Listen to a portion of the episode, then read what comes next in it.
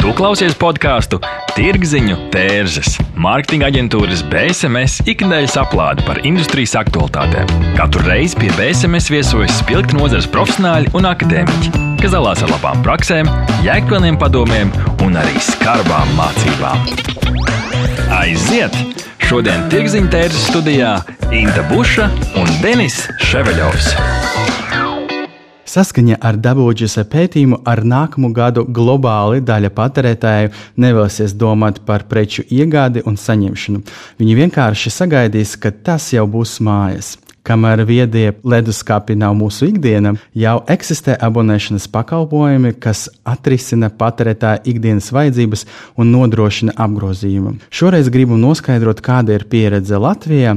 Līdz ar to šodien ciemojas pie mums Ivars Lubants, TV3 grupu PayTV mārketinga vadītājs un Vents Veinbergs, Brother Baltic pārdošanas vadītājs. Labrīt! Čau! Labrīt! Ko jūs domājat vispār par šo parādību, kā abonēšanas pakalpojumi? Kā jūs to redzat? Varam sākt ar uh, Ivaru. Man liekas, ka jau tie abonēšanas pakalpojumi, nu, kas saka, tirgu jau ir kādu laiku, un nu, īpaši pasaulē Netflix, ja par savu nu, jomu runāju, Netflix viens no pirmajiem pārgāja uz principu, ka maksā ik mēnesi un, un, un kā saka, skaties, ko vēlies. Un skaidrs, ka arī ne tikai pakalpojumu, bet arī produktu uh, tirgu šis princips ir iegājis aizvien aktuālāks un aktuālāks. Kaut arī, manuprāt, jau pāris gadus atpakaļ runāja, ka nu tik būs un, un, un visas preces mēs tagad abonēsim un, un nemaz nepirksim, bet, manuprāt, tas vēl kaut kā nav tik ļoti iegājies. Bet pakalpojumu tirgu tas jau, jau ļoti, ļoti aktuāli. Jā, mēs arī, arī pajautājuši ar Norstāta starpniecību. Šoreiz izmantojam ekspresa aptaujas rīku, un mums tieši interesē, ko tad domā rīznieki vecumā no 24 līdz 40 gadiem. Kā jums liekas, cik daudz procentu lieto abonēšanas pakalpojumus? 70, 80 varētu būt. Mm -hmm. Noteikti. Es, ja visus iedzīvotājus paņemtu, es domāju, nu, kādi 60 varbūt gados vecāki, varbūt mazāk, bet Nu, ja tuvu tam. Okay, tad šai grupā rīznieki 24 līdz 40 gadiem atbildēja jā, 64,2%. Tas diezgan tuvu. Jā, tad principā arī mēs gribējām noskaidrot, kādus servisus respondenti lieto. Un, protams, kā pirmā vieta bija Netflix, tad sekoja GO3, TED, Delphi. Bet arī bija tādi, kuri atbildējuši, kā Lemon Gym. Un tā, un tas ir arī abonēšanas pakalpojums. Gribētu arī uh, arī no Venta noskaidrot, kā mēs saprotam, jā, kā ir telefona, televīzijas, bet jums ir kaut kāds interesants pakalpojums, it kā nebūtu asociēts ar abonēšanu. Kā jau viss cits šī, šī veida pakalpojumi, tas lielākoties veidojās dēļ klienta pieprasījuma, jo laikam ejot, nu, klienti tā ir aizvien mazāk vēlas kaut ko iet, pirkt, bet viņi grib, lai viss jau ir viņiem uzreiz, viss notiek automātiski. Un, Printeru tirgu tas ir visai līdzīgi. Un, eh, ja mēs ņemam to, ka klients ikdienā var lietot printeru, pats pirkt tos kārtridžus, un ja kaut kāda tehniska kļūme ir, tad viņš sauc kādu cilvēku no IT personāla vai pats cenšas tam tikt eh, galā ar esošo problēmu. Tad, no, tad šāda veida risinājumi arī printēšanas tirgu, kad ir konkrēta mēneša maksa par izdrukām. Un, un ir tehniskais nodrošinājums, tas noteikti tikai palīdz uzņēmējiem. Un galvenokārt tas samazina arī izmaksas ko varbūt eh, bieži vien uz šādām lietām nepievērš uzmanību. Tas nav tur eh, mobilais pakalpojums, kaut kāds izklaides industrija, tas reāli ir darba rīks, tas ir printers, ar kuru mēs strādājam, un tur, tur nekāda izklaide nav. Tas ir tīri jāskatās kā tehniski ierīce, kas palīdz mums veikt savu darbu efektīvāk. Kā tas fiziski izskatās? Viņš ne visi varbūt klausīties zina. Es nesen par šo uzzināju, es biju mazliet fascinēts, ka tas varētu būt kā jums ir maksa par vienu lapu pareizi. Fiziski tas ir principā, ja šajā oficiālā šeit ir printers. Un jūs pērkat kartridžus, tad, un jūs vienu dienu sākat izmantot šo pakalpojumu. Neviens darbinieks nepamanīs, ka kaut kas ir mainījies. Viņš dara visu to pašu, viņš printē. Tas vairāk tā ir printera administrācija, laika ietaupījums un izmaksu samazinājums, kas ir, kas ir tās top lietas. Un to redz tikai grāmatvežu finansisti vai uzņēmuma vadītāji, ja viņi iet tik detalizētās atskaitēs iekšā, kad, cik viņi ir ietaupījuši gadu laikā uz printeriem. Un, principā tas tā neko ikdienā nemaina Tas ir tas pats printers, tas pats toners, tās pašas lapas, un krāsa nepaliek melnāka no tā, vai nu, viss ir tieši tāpat. Mm. Jā, manī uh, tiešām arī šis modelis liekas interesants. Uh, un uh, kas ir tā jūsu auditorija? Jo mūsu klausītāji ir arī uzņēmumu vadītāji, varbūt viņiem arī ir interesanti uzreiz. Tas, principā, var būt jebkurš uzņēmums, kas ikdienā drukā jebkādu veidu satura ārā, vai tie būtu dokumentu līgumi vai kādi lieli plāni, A3 formātā. Tas ir jebkurš uzņēmums. Es esmu pilnīgi pārliecināts, ka jebkurš uzņēmums šādā veidā ietaupa naudu, nevis pērkot, pērkot arī vienkārši tonerus internetā un pasūtot, un līdz ar to arī saņemot tos neoperatīvu pārāk, un bieži vien tas tiek aizmirsts un mm -hmm. iekavējās. Ja es pareizi saprotu, tas strādā tā, ka attiecīgi tiek maksāts par kaut kādu izdruku skaitu. Un jūs apkalpojat, nodrošinot pilnīgi visu, vai ne? Jā. Nu, braucat nomainīt kārtridžus, un Jā. viss tajā cenā ir iekļauts. Jā, nu, kārtridži tiek pasūtīti. Uz printera tiek uzinstalēta programmatūra, kurā automātiski dod šīs atskaites, cik, cik tiek izprintēts, kad toneru līmenis iet uz leju, tiek izsūtīts automātiski jauns. Un tev, principā, par to vispār nav jādomā. Un, ja kaut kas notiek tāds, ko klients nevar atrisināt, nevis viņš zog darba resursus no IT džekiem vai no sekretāras, bet atbrauc speciāls servis, par to tiek viss parūpē, viss vis tiek par, sarūpēts.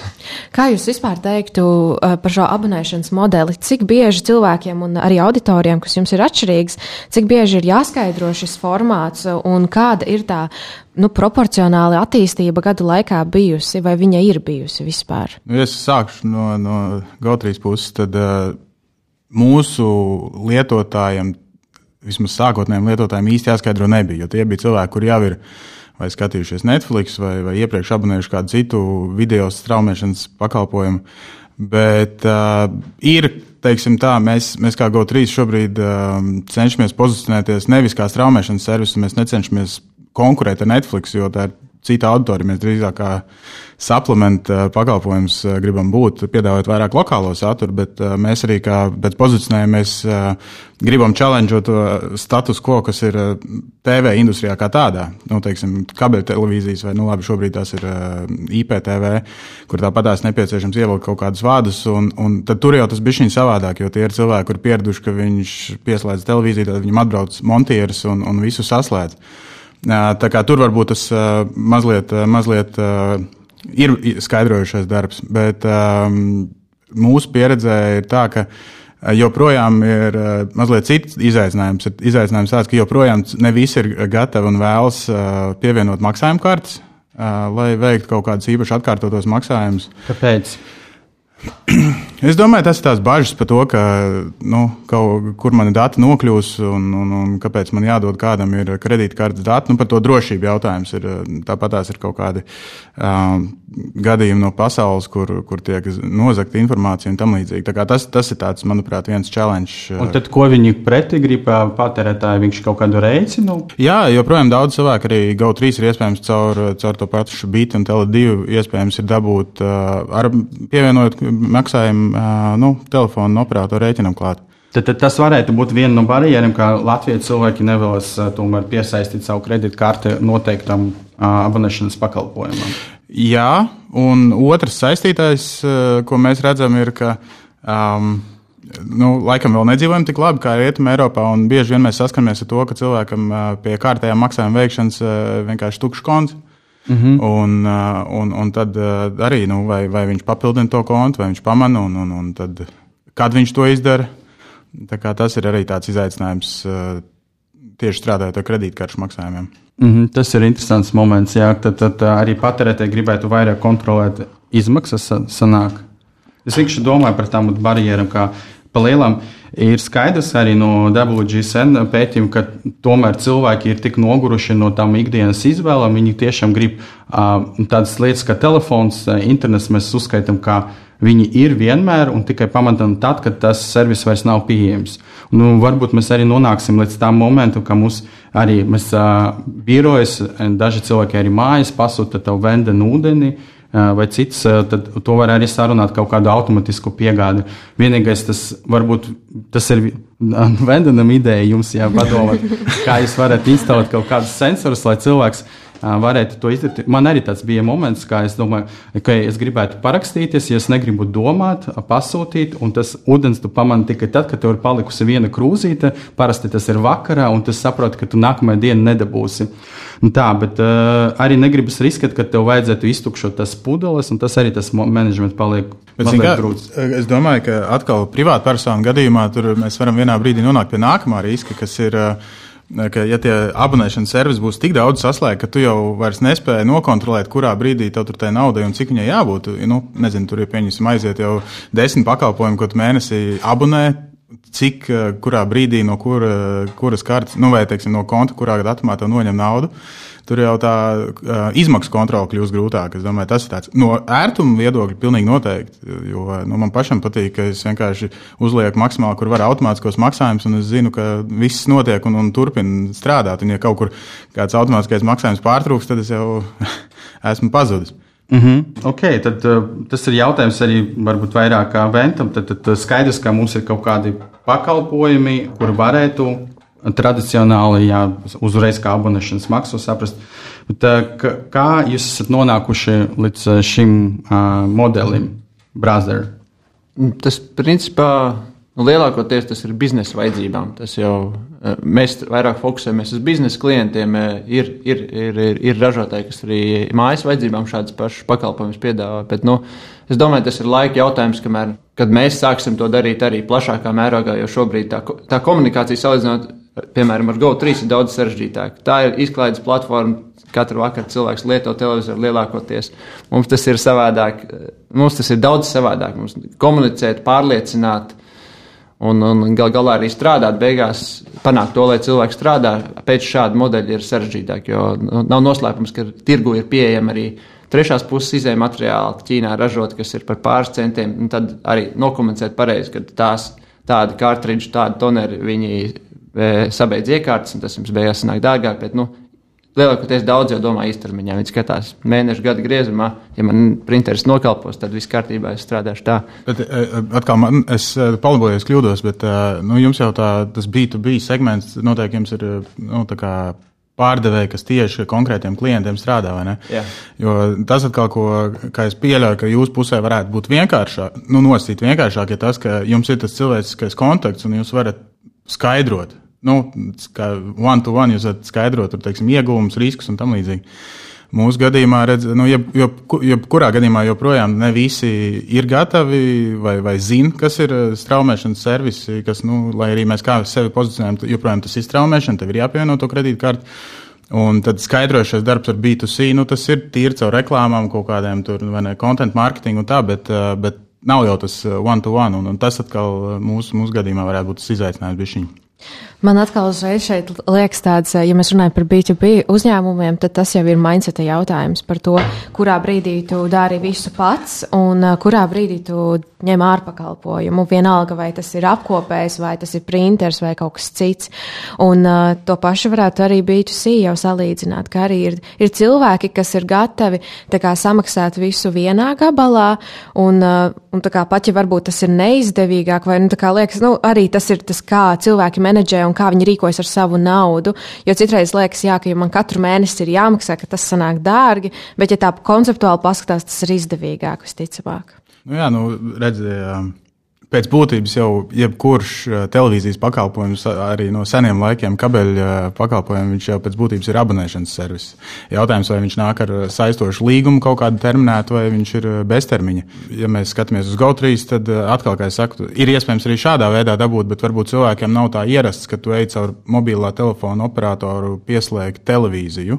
Plus man vajadzēs internetu, vai es gribu to mobilo internetu, vai es varbūt labāk gribu optisko. Nu, tur sākās visādi jautājumi, un tad atkal tas salīdzinājumu, un tā otra versija ir iet un pielikt to kredītkarti, un, un, un ka ik mēnesi tev noņems to naudu. Un, un te, te, jā, te ir tas mindset jautājums. Te, vai, vai es esmu gatavs, vai es zinu, kas tas ir, vai es tam uzticos.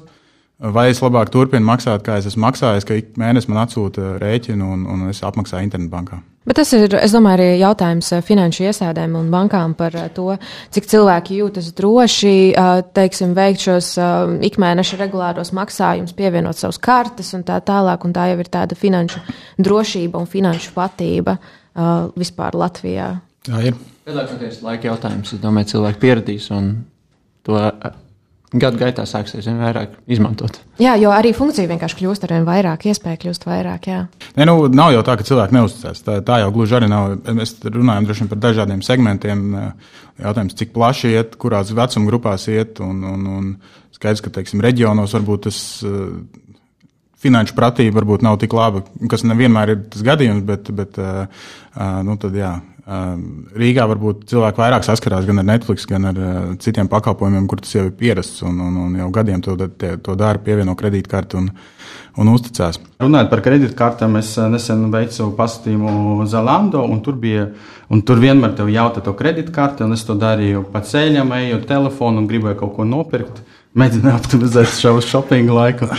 Un tad uh, tur vienmēr piedāvā kredītkarti, un tad tev vajag izvilkt ārā to kredītkarti, ielikt. Un tur bija otrā iespēja, varēja norēķināties ar um, internetu banku. Tas bija ļoti ātri. Un forši, bet es domāju, ka šeit moments ir vienkārši, ka cilvēki tiešām nav tik varbūt um, turīgi, lai aizmirst par visam tiem tēriņiem, un viņiem ir svarīgi tomēr to kontrolēt momentu. Bet uh, no otras puses, tev tev ir kā viss ir apmaksāts. Kas ir nepieciešams, lai ievestu abonēšanas modeli arī jūsu biznesos, darbie klausītāji? Šo mēs noskaidrosim pēc īsām pauzes. Neatbildami jautājumi, sarežģīti lēmumi. Sazinies ar Norstat. Mēs palīdzēsim. Norstat. Tas ir draudzīgs servis, innovatīvi risinājumi un kvalitatīvi dati, lai tu varētu pieņemt veiksmīgus, datos balstītus lēmumus pievienojies vairāk nekā simts Latvijas uzņēmumiem, kas uzticas vadošajam datorisinājumu nodrošinātājam Ziemeļeiropā. Mūsu mērķis ir atvieglot tavu dzīvi un ļaut pieņemt pareizus lēmumus. Norstat - vērtīgi dati svarīgiem lēmumiem. www.norstat LV Esam atpakaļ Tirgziņa Terzes 40. epizode, un tad es gribētu jūs um, gan uh, Ivars, uh, gan Ventu uzzināt jūsu pieredzi, varbūt jūs gatavi padalīties, tad uh, par kādam lietam jādomā uzņēmumu, kuri tagad sāka sapņot vai pat plānot um, abonēšanas uh, modeli ieviešanu. Sāksim ar infrastruktūru. Kādi tur ir varbūt zemūdens akmeni, tādas lietas? Labs jautājums. Tehnoloģiskajā risinājumā varbūt neiešu iekšā, bet uh, nu skaidrs, ka svarīgākais jautājums ir, kas ir tas uh, maksājuma modelis. Uh, vai tas būs tātad automātiskie maksājumi, ja abonēšanas gadījumā visticamāk tie ir automātiskie maksājumi, tad nu, nav pārāk daudz iespēju, kas to piedāvā. Visticamāk, tas ir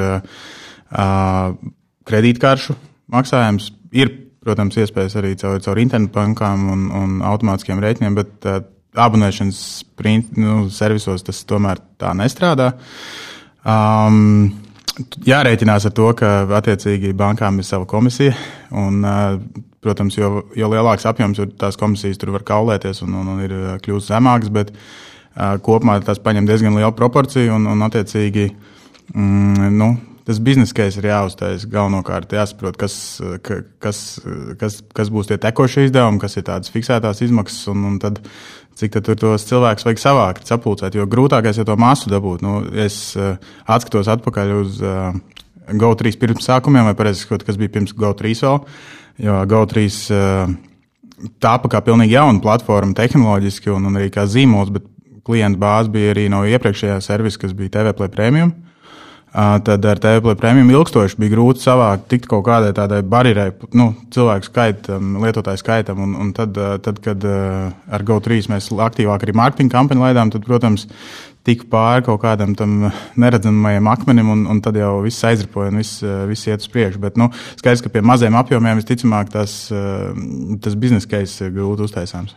Runājot par mūsu biznesu un printēšanas tirgu kā tādu, šobrīd ir noteikti viens no lielākajiem stūrakmeņiem. Ir darba ikdiena, tagad, kāda būs viņa tagad, turpmākos divus, piecus, vienalga cik gadus uz priekšu. Jo mums bija arī plāni pagājušā gada martā kaut kādas lietas realizēt, bet uh, tas strauji nomainījās un mūsu visu oficiālu printēšana aizgāja uz mājām. Protams, mums ir arī mājas printeri, un tad mēs uh, bešā nepalikām un viss notikās. Bet uh, tajā pašā laikā šis risinājums, par ko mēs runājam, šī abonēšana biznesa klientiem, tomēr vairāk ir balstīta uz oficiālu dzīvi, uz oficiālu kustību visu, un arī tagad, atgriežoties atpakaļ, var redzēt, ka ir uzņēmumi, kas sāk domāt arī par mazāk, e, vairāk drošu e, e, apkārtējo vidi, izvietojot vairāk mazākus printerus. Katram atsevišķi ir tāda oficiāla, kas ir lielāka, nevis pie viena centrālā, lai mazinātu kontaktu. Un tur ir tādi dažādi mainīgie lielumi, kas tos es, es šodien nevarēšu atbildēt, un arī iespējams arī pēc gada vēl nevarēšu pateikt, kā tas attīstīsies. Bet nu, mēs strādāsim uz to. Jā, Brazīlijas, uh, Latvijas tirgu es pieņemu kaut kādus gadus 25, tomēr ir nu, 20. Kā oficiāli pārstāvniecība 10. 10, jā. ok, labi. Bet uh, jums nebija nu paša sākuma pareizi abonēšanas uh, modelis? Nē. nē. Nu, tad, uh, kā jūs, jums bija viegli to ievest, vai jums bija kaut kāda uh, jāveic infrastruktūras pielāgošana, lai nodrošinātu šo pakalpojumu? Tas, tas ir jāveic, un tas bija jāveic, bet uh, principā sanāk tā, ka mēs vienkārši sekojam tam tirgus pieprasījumam un uh, šādas lietas tika realizētas jau gadiem atpakaļ jau Lietuvā. Lietuva ir soli priekšā Latvijai. Latvijā nezinu, kāpēc cilvēki uzņēmēji raustās no tā, vai negrib iedziļināties, vai tas nav interesanti ietaupīt naudu šajā, šajā pozīcijā. Bet jā, tas ir. To, to, to nav tik vienkārši atbildēt, kāpēc šeit vēl nav. Kaut gan šis pakalpojums kā tāds ir gadu desmitiem jau pieejams, un tas programmatūra uz printera un, un, un maksāt par izdrukām, tas ir, nav, nav jauna lieta pasaules printeru tirgu. Mm -hmm. Jā. Es ātri varbūt ja no Gautrijas puses, kā reizē atkal uh, interesanti ir uh, mūsu uh, produktam un, un, un salīdzinot ar, ar līdzīgiem pakalpojumiem, kura rēķina norēķināšanās, kaut kādā ziņā pat varbūt atkrīt daļa problēma vai daļa risku. Jo nu, notiek maksājums uz mēnesi uz priekšu, vai ne?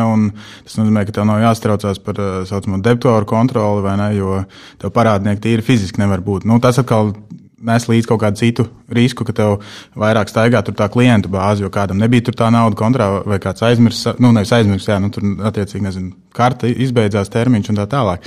Bet uh, kaut kādā ziņā process pat varētu teikt atvieglojās, viņi nu, automatizējās. Jā, jo man liekas, ka mēs runājam par šo abonēšanas modeli. Tas ir tas, tā pamata esence tam visam, ka tam ir jāatvieglo patērētāji vienalga, kas tas ir, tas customers, kāds viņš ir, kurā mērķa auditorijā un vecuma grupā ir jāatvieglo viņa dzīve.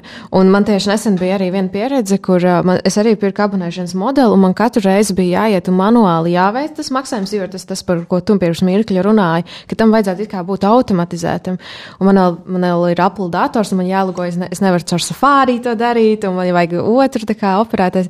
Garā ziņā tik ļoti sarežģīti, un tad es domāju, Tā tam nevajadzētu būt. Abonēšanas modelim ir jābūt vieglam, ērtam un jādomā par to user experience. Tas ir ļoti svarīgi.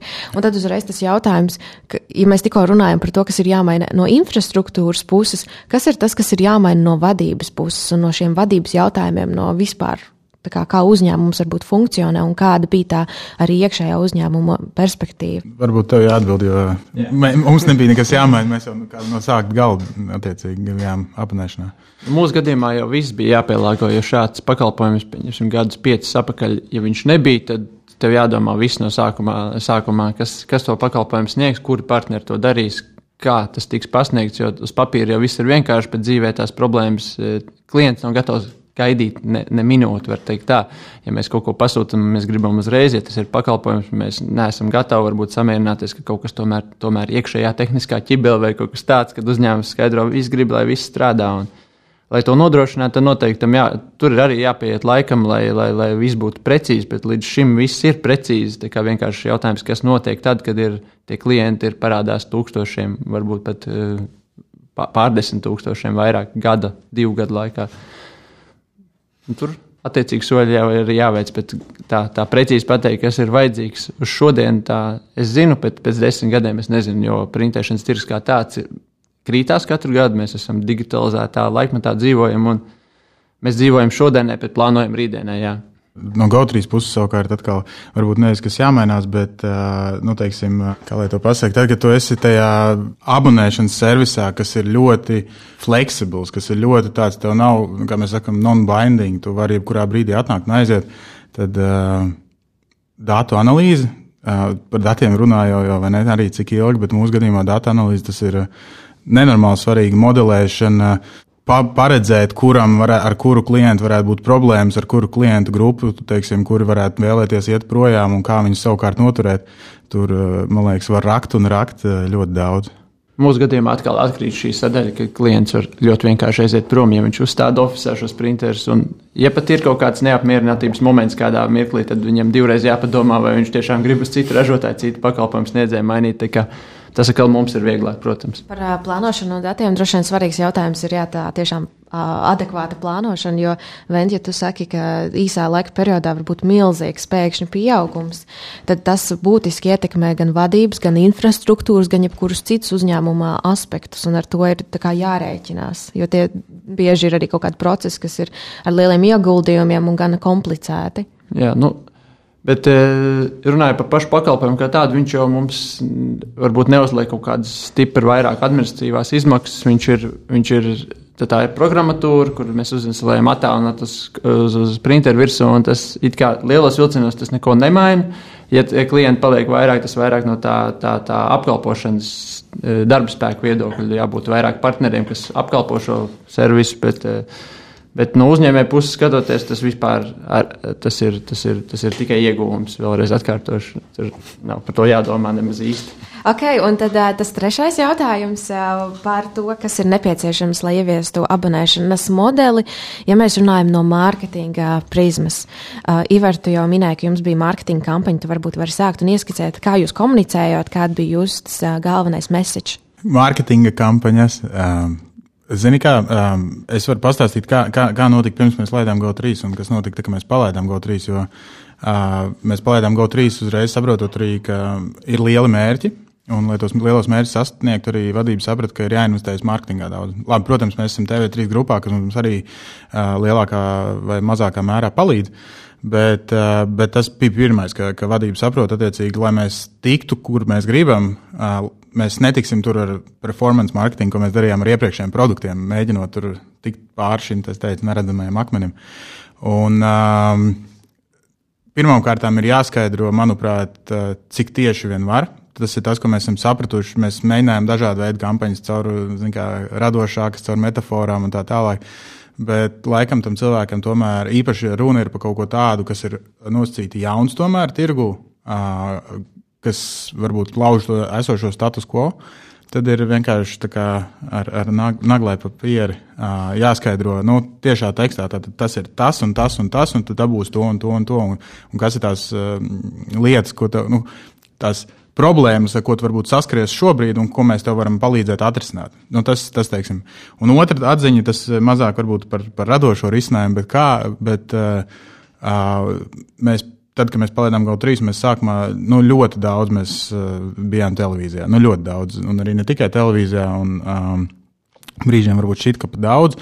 Un, un skaidrs, ka tie rezultāti arī tā uzreiz tur neparādās, bet uh, nu, pēc pusgada gada mēs redzējām, ka tas ir devis tos augļus, un uh, tad arī tie performance marketinga cipari gāja uz leju, attiecīgi izmaksas par jaunu klientu. Jo vispirms to atpazīstamību un izpratni par produktu mēs radījām, arī, protams, arī tur mums vēl ir kur augt, un, un galīgi ne visi saprot, kas tas ir. Bet, bet eh, tā kombinācija veselīgā, eh, tad mārketings, brandings, izskaidrot, kas tas ir, un tad kopā ar, ar sales kampaņām tas ir, eh, tas ir nostrādājis. Ivar, kādi bija galvenie ko komunikācijas kanāli? Atkal, ņemot vērā, ka mēs TV3 grupā, protams, mēs izmantojām maksimāli TV3 spēku, nu, nu ne tikai TV3, bet TV kanālus. Tad tas bija galvenais rīks, kur mēs uh, atpazīstamību un, un, un informāciju par to, to rīču dabūjām produktam. Un, un, protams, ka digitālajā digitālajā vidē mēs pamatā ejam uz, uz uh, nu, performance kanāliem, kas ir Google, Facebook, Instagram, nu, kā tādu pamatu. Un, un, un, protams, arī TV3 grupas uh, digitālajiem kanāliem. Tas nostādīja arī uz mani patiesībā. Ilgi, ilgi redzēju reklāmas, reklāmas, reklāmas, līdz nonāca vairākas reizes, kad es gribu kaut ko skatīties. Es biju lietotājs. lietotājs. Gaidam vismaz pusgadu ar pacietību, jā. un tad baudam rezultātu. Pavisam noteikti, jā. Bet, zin, kā, man liekas, jau tur arī nu, abauču, vai ne, ka ienāca tur dažādi principi. Abauču ienāca ar masīvu kampaņu, man liekas, mēnesi. Tu vienkārši visiem, es atvainojos, krīt uz nerviem, bet es domāju, ka viņi arī savu sasniedz. Tur tie modeļi ir dažādi. Un viņi, man liekas, bija tikai uh, digitālajā vidē. Starp citu, abot jūs sākumā neticēju, likās, ir taču asas priekš kam kaut kāda vēl viena lieta, kur tieši to pašu var pasūtīt pēc tāda paša principa. Bet... Jā, tas ir ļoti interesanti. Tagad mēs arī redzam, kā Zelanda arī ienāca, un tad būs tādas milzu ciņas. Bet asas nav vispār aktīvs tieši Latvijas tirgu. Viņi varbūt viņi kaut kādā kvāzī veidā saņēmu to no Google, un nu, tas Facebook pixel, tu redzēsi to reklāmu, bet tā aktīvi man šķiet, viņi netargetē Latviju. Tas ir cits, cita epizode. bet, uh, saki, Ventja, kā Brothers, kā jums ar mārketingu? Mārketingā es pastāstīšu par to galveno modeli, lai jūs saprastu, cik mums liela tā rīcības spēja ir Baltijas valstīs. Es esmu atbildīgs par par biznesa komunikācijai partneriem, nu, par biznesu kopumā, un ir vēl kolēģi Anna, kas ir atbildīga par mārketingu. Mēs esam divi cilvēki, kas principā nosedz šo tirgu, visu šādu veidu komunikāciju. Un mārketings lielākoties ir e, mēs, kā starptautisks uzņēmums, kas jau ir vairāk kā simts gadus ar oficiāliem visā pasaulē, visos kontinentos, ir e, ar diezgan stingrām marketinga vadlīnijām, un mēs daudz ne, nedabūjam airēt pret, pret upi. Tā. tā kā marketings ir pārdomāts, Viņš ir mūsdienīgs, mēs esam visos kanālos, kur vien varam būt. Jautājums ir, cik, cik aktīvi mēs tur, cik tieši, cik precīzi mēs nokomunicējam katrā no attiecīgajiem veidiem. Jo printers kā tāds, viņš nav tik interesants, protams, kā mobilais telefons, kā jau es iepriekš teicu, viņš ir tikai darbarīgs, viņš nav izklaides nolūkiem. Tā kā tā mārketinga komunikācija ir sarežģītāka, viņa ir tāda, ja GO3 man uzrunāja pusgadā, tad printers iespējams tā vidēji vēl ilgāks ir šis periods, kad tu vari esošo savu. Esošo ražotāju nomainīt pret kādu citu tikai dēļ kaut kādas pilināšanas smadzenēs, ka tas ir ar kaut ko labāks. Jo lielos vilcienos visi ražotāji piedāvā gandrīz vienu un to pašu. Jautājums, kam tu uzticies vairāk, un, un, un šādi tiek veikta izvēle tieši mūsu industrijā. Ok, lēnām jau finišējot uh, mūsu epizodi, mans pēdējais jautājums jums uh, ir, kādas jūs redzat uh, šī abonēšanas modeļa perspektīvas un tendences Latvijā turpmākajos gados? Es uzskatu, ka tas tikai ies, vai, paliks aizvien vairāk un aizvien vairāk uzņēmumu adaptēs jebkādu veidu pakalpojumus un preču iegādes, kas notiks automātiski Tas ir vienkārši laika jautājums, kā es vienmēr saku, salīdzinām par mobiliem telefoniem un internetu, kad vecmāmiņas un mammas nelietos nekad. Ir pagājis laiks, un arī vecmāmiņa man sūta, e, sūta video un tas viss ir vienkārši pilnīgi laika jautājums, jo tas ir lielākoties tas ir atvieglot tavu dzīvi, vienkārši tev vajag laiku, lai adaptētos, un jo vairāk veic šādu veidu da pirkums darbības internetā, jo tu vairāk saproti, ka tas ir daudz vienkāršāk. Manuprāt, e, pakalpojumiem varētu teikt, tā jau ir šodiena, pat arī vakardiena kaut kādā ziņā, jo lielākā daļa pakalpojumu, vai ļoti liela daļa pakalpojumu jau šobrīd ir abonējuši, tiek abonēta, un, un tas ir pats par sevi saprotams. Es domāju, ka pāris gadus laikā tas būs aizvien, nu, pilnībā pārņem šo pakalpojumu jomu. Nezinu, tas pats kinoteātris, kāpēc kinoteātrim nebūtu abonements, manuprāt, varbūt pat ir. Uh, un uh, savukārt uh, precēm es domāju, ka tas process būs ilgāks tādam B2C segmentam vēl ilgāks nekā B2B, manuprāt. Jo B2B, kā viens teica, var, ja tu vari tam uzņēmumam parādīt, ka viņi var ietaupīt darbinieku resursus, viņi var ietaupīt IT resursus, kam patiesībā būtu jā, jādarbojas ar pilnīgi citām lietām. Uh, Uh, sarežģītākām lietām, nevis jādomā, kā iedarbināt printeri, tad, uh, un, un to teiksim, reāli var finansiāli parādīt, var nu, tiešām iedot to ieguvumu. Tā ar precēm, tām precēm ir jābūt ļoti, nu, kā tā, es domāju, precēm B2C segmentā, tām precēm jābūt tādām ļoti, ļoti ejošām, ļoti, ļoti, nu, un atkal tam cilvēkam jāredz, vai nu viņš ietaupa naudu, vai viņš ietaupa savu, nezinu, spēku, kaut kādā enerģija, jā, jā, un, un, un satraukumu, mazāk sirvi mati. Tad arī tas būs, nu, būs B2C segmentā, bet man liekas, precēm B2C segmentā mēs vēl neesam gatavi. Nu, es neredzu tuvāko pāris gadu laikā, ka tas tagad būtu kļūt par tādu masu lietu. Jā, man arī, es nezinu, kā tev, Denis, liekas, vai ne, bet uh, tas abonēšanas modelis ir kaut kas tiešām tik ļoti jau esošs mūsu tirgu. Un man liekas, tas, kas manī interesē personīgi, ir kādi vēl pakalpojumi un produkti, par ko mēs varbūt pat vispār neesam iedomājušies, pāries tuvākajos gados uz abonēšanas modeli. Paldies! Ar šo arī noslēgsim 40. epizodi. Pie mums šodien studijā bija Ivars Lubāns, TV3 grupu PayTV Services marketinga vadītājs un Vents Veinbergs. Brother Baltic pārdošanas vadītājs. Paldies! Paldies, ka klausījāties BSMS podkāstu Tirziņu tērzes. Aplādi ar labām praktiskām, jēgpilniem padomiem un skarbām mācībām. Patika epizode? Dalies sociālajos medijos, ir idejas tēmām vai viesiem? Raksti mums! Tās bija tirgziņa tērzes. Tiekamies nākamnedēļ!